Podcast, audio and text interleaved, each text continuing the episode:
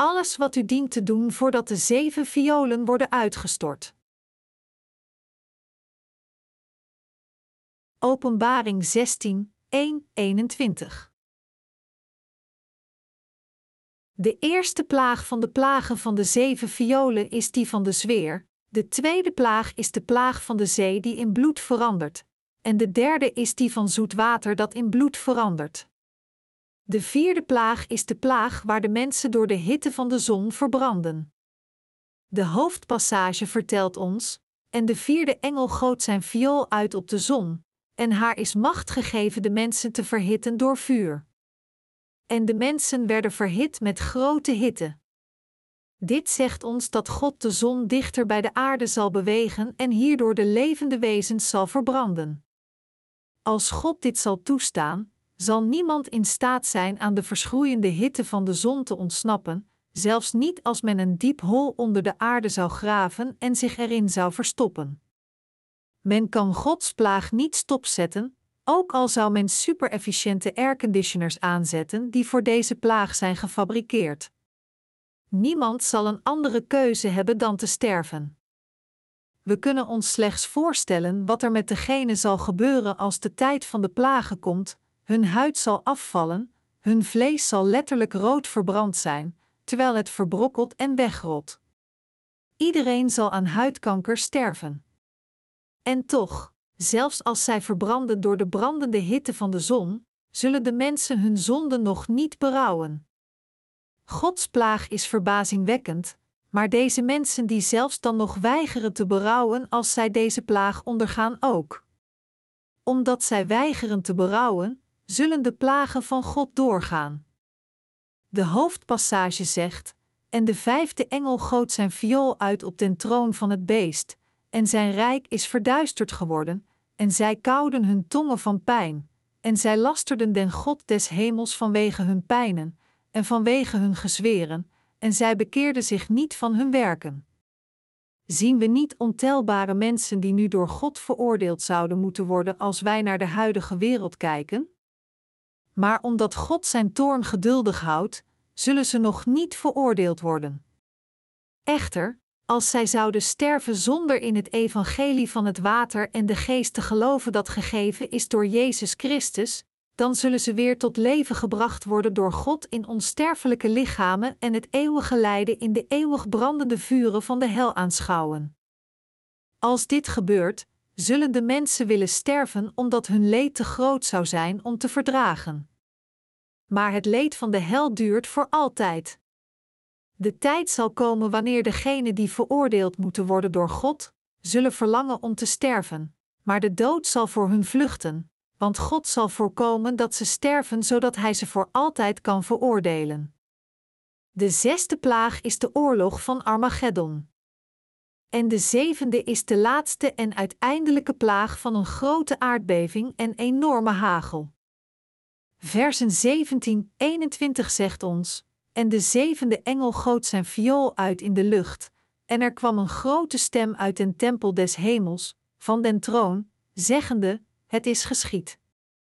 En er geschieden stemmen, en donderslagen, en bliksemen, en er geschiedde een grote aardbeving, hoedanige niet is geschied van dat de mensen op de aarde geweest zijn, namelijk een zodanige aardbeving en zo groot. En de grote stad is in drie delen gescheurd, en de steden der heidenen zijn gevallen, en het grote Babylon is gedacht geworden voor God, om haar te geven den drinkbeker van den wijn des toorns zijner gramschap. En alle eiland is gevloden, en de bergen zijn niet gevonden. En een grote hagel, elk als een talentpond zwaar, viel neder uit den hemel op de mensen, en de mensen lasterden God vanwege de plagen des hagels, want deszelfs plagen was zeer groot. De bovenstaande passage vertelt ons dat wanneer God de zevende viool uitgiet, een grote aardbeving de planeet zal treffen, de hele wereld in drieën zal splijten en de gebouwen die nog steeds op deze aarde staan neergehaald zullen worden, geen enkele overeind latend.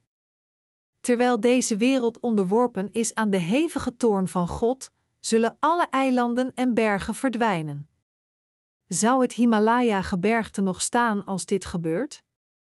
Natuurlijk niet. Alle hoge gebergten zullen recht voor de ogen van de levenden verdwijnen.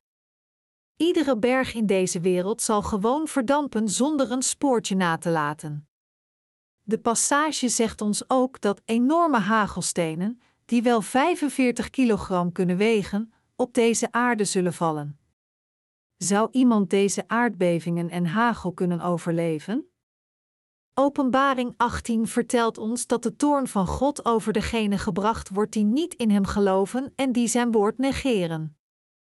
Sommige mensen in deze wereld beweren dat wanneer zij aan God gewijd zijn, ik nooit onderworpen zal zijn aan de toorn van God, noch zal ik ooit door Hem veroordeeld worden. Echter, Gods oordeel wordt net over dit soort mensen gebracht die vol van hun eigen trots en arrogantie zijn. We moeten geloven dat deze wereld zal verdwijnen als het getroffen wordt door de plagen van de zeven violen die door God worden uitgestort. We moeten in het woord van God geloven. God vertelt ons dat Hij deze wereld zal laten verdwijnen. Deze wereld zal daarom niet eeuwig duren. Als dusdanig moeten degenen die het naderende einde aanschouwen, nog vaster in deze waarheid geloven en hun geestelijke geloof nastreven. Alle mensen van deze wereld moeten daarom wakker gemaakt worden van hun geestelijke slaap. Ik weet niet met welk soort geloof u tot nu toe uw leven heeft geleid, maar nu is het tijd om uw aandacht te concentreren op wat er in de eindtijd gaat gebeuren en wakker te worden en te geloven. U moet daarom de exacte kennis hebben van de plagen die in de openbaring geprofeteerd zijn en u moet alert wezen. Onze Heer heeft ons verteld dat deze aarde gauw onder de plagen van de zeven violen van God zal komen. Als dusdanig moeten we wachten op de Heer terwijl we het evangelie preken, ook als mensen het niet goed ontvangen. Het lot van deze wereld is nu in gevaar. De huidige wereld is blootgesteld aan allerlei gevaar, van de dreiging van oorlog tot onbestendig weer, afbraak van het milieu, vermenigvuldigen van sociale conflicten en allerlei soorten ziekten. God heeft ons daarom gezegd dat de huidige tijd net als de tijd van Noach is.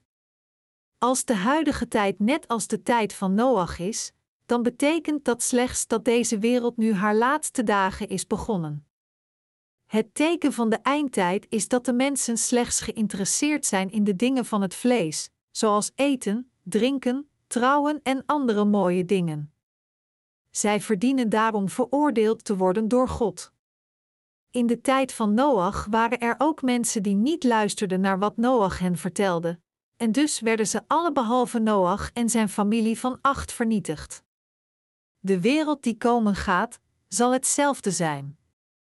Bijna alle dingen die God beloofd had, zijn vervuld omdat zij opgenomen waren in de Bijbel. Hiervan zal ongeveer 5% nog vervuld moeten worden, maar de rest ervan is reeds vervuld. Het woord van de zaligheid en van de verlossing dat door de Heer beloofd is, is ook al vervuld. In het woord van God blijft slechts het oordeel over dat gereserveerd is voor degenen die niet in het evangelie van het water en de geest geloven. En voor de wedergeboren heiligen wacht slechts het duizendjarige rijk en de nieuwe hemel en aarde waar de rechtschapenen zullen binnengaan en er zullen leven.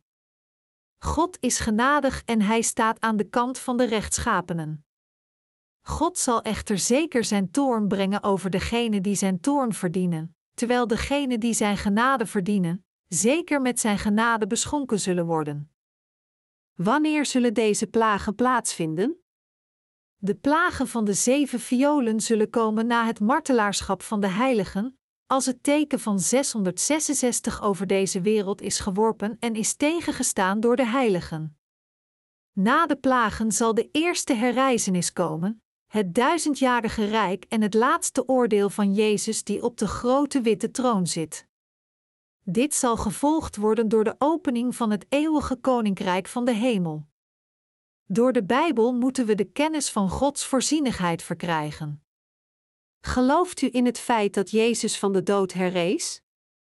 Gelooft u dat de Heer alle zonden van de mensheid heeft laten verdwijnen door zijn doopsel en bloed? Onze Heer nam alle zonden van de mensheid weg met zijn water en bloed, herrees van de dood na drie dagen en zit nu aan de rechterkant van de troon van de Vader. Als dusdaning zijn de zonden van degenen die in Jezus Christus geloven, duidelijk verdwenen en net zoals Christus van de dood herrees, zo zullen wij ook herrijzen. De heiligen zullen daarom met de Heer verheerlijkt worden, maar terwijl ze op deze aarde zijn, zullen ze ook veel leed voor de Heer lijden. Maar het leed van deze huidige tijd is niet noemenswaardig vergeleken te worden tot de gelukzaligheid die hen wacht, want deze gelukzaligheid is het enigste wat de wedergeboren heiligen wacht. De heiligen hoeven zich daarom geen zorgen te maken over de toekomst. Alles wat de rechtschapenen moeten doen, is de rest van hun leven voor het evangelie en volgens hun geloof leven. We moeten ons opofferen om zielen te redden en we moeten niet de wereld volgen. Laat ons de rest van ons leven aan God opofferen. Ik maak me zorgen dat er misschien iemand onder ons is die het evangelie zal verraden. Iedereen die het evangelie van het water en de geest verraadt, zal uiteindelijk de Heer zelf verraden. Alhoewel we zwak zijn, zullen we in staat zijn volgens het geloof te leven als we in het evangelie van het water en de geest geloven dat voltooid werd door de Heer en als we het volgen. De heiligen kunnen niet leven door hun eigen wijsheid en kracht. Als zij dat zouden doen, zouden ze hun geloof gaan verraden en hun eigen vernietiging aanschouwen. Om dit te vermijden, moeten we volgens geloof leven. Waarom zou onze Heer de mensheid toestaan het teken van 666 te ontvangen? Dit is om het koren van het kaf te scheiden. Voordat Hij de heilige toestaat opgenomen te worden, moet God eerst duidelijk het koren van het kaf scheiden. Er worden geestelijke oorlogen gevochten door de heiligen. Als dusdanig moeten de heiligen niet vermijden tegen Gods vijanden te vechten. Als zij aarzelen tegen Satan te vechten, zullen zij misschien een fatale slag van Satan krijgen. Daarvoor moeten en kunnen alle heiligen geestelijke gevechten vechten, zelfs voor zichzelf. Alle geestelijke gevechten die door de heiligen gevochten worden, zijn verantwoord. Om God te volgen moet iedere heilige vechten en Satan en zijn dienaren overwinnen. De heiligen moeten vechten voor het koninkrijk van God. Zij moeten ook vervolgd worden voor Gods koninkrijk en gehaat worden door het volk van de wereld. Dat de heiligen de kans gegeven wordt voor de Heer te vechten, is iets goeds. Als deze kans om voor God te vechten aan u gegeven werd, zou u Hem ervoor danken. Zo'n gevecht is een goed gevecht, want het is een gevecht voor de rechtschapenheid van God. God helpt de rechtschapenen. Er zijn niet zoveel dagen over in ons leven en mijn hoop en gebed is dat we alle onze resterende levens zullen leven door de geestelijke gevechten te vechten en de geestelijke werken te doen totdat we voor de Heer staan. Het doet er niet toe wat de mensen van deze wereld tegen ons zeggen, we moeten de geestelijke gevechten vechten, de geestelijke vruchten dragen en deze vruchten aan onze Heer offeren. Als de dag van de wederkomst van onze Heer komt, zullen we allemaal met vertrouwen voor Hem staan. Als deze dag komt, zal de Heer onze tranen wegvegen en ons in een plaats laten leven waar we niet langer huilen, geen pijn meer lijden, nog ooit zonde zullen vinden. Laat ons alle volgens het geloof leven en laat ons alle het koninkrijk van God binnengaan door dit geloof.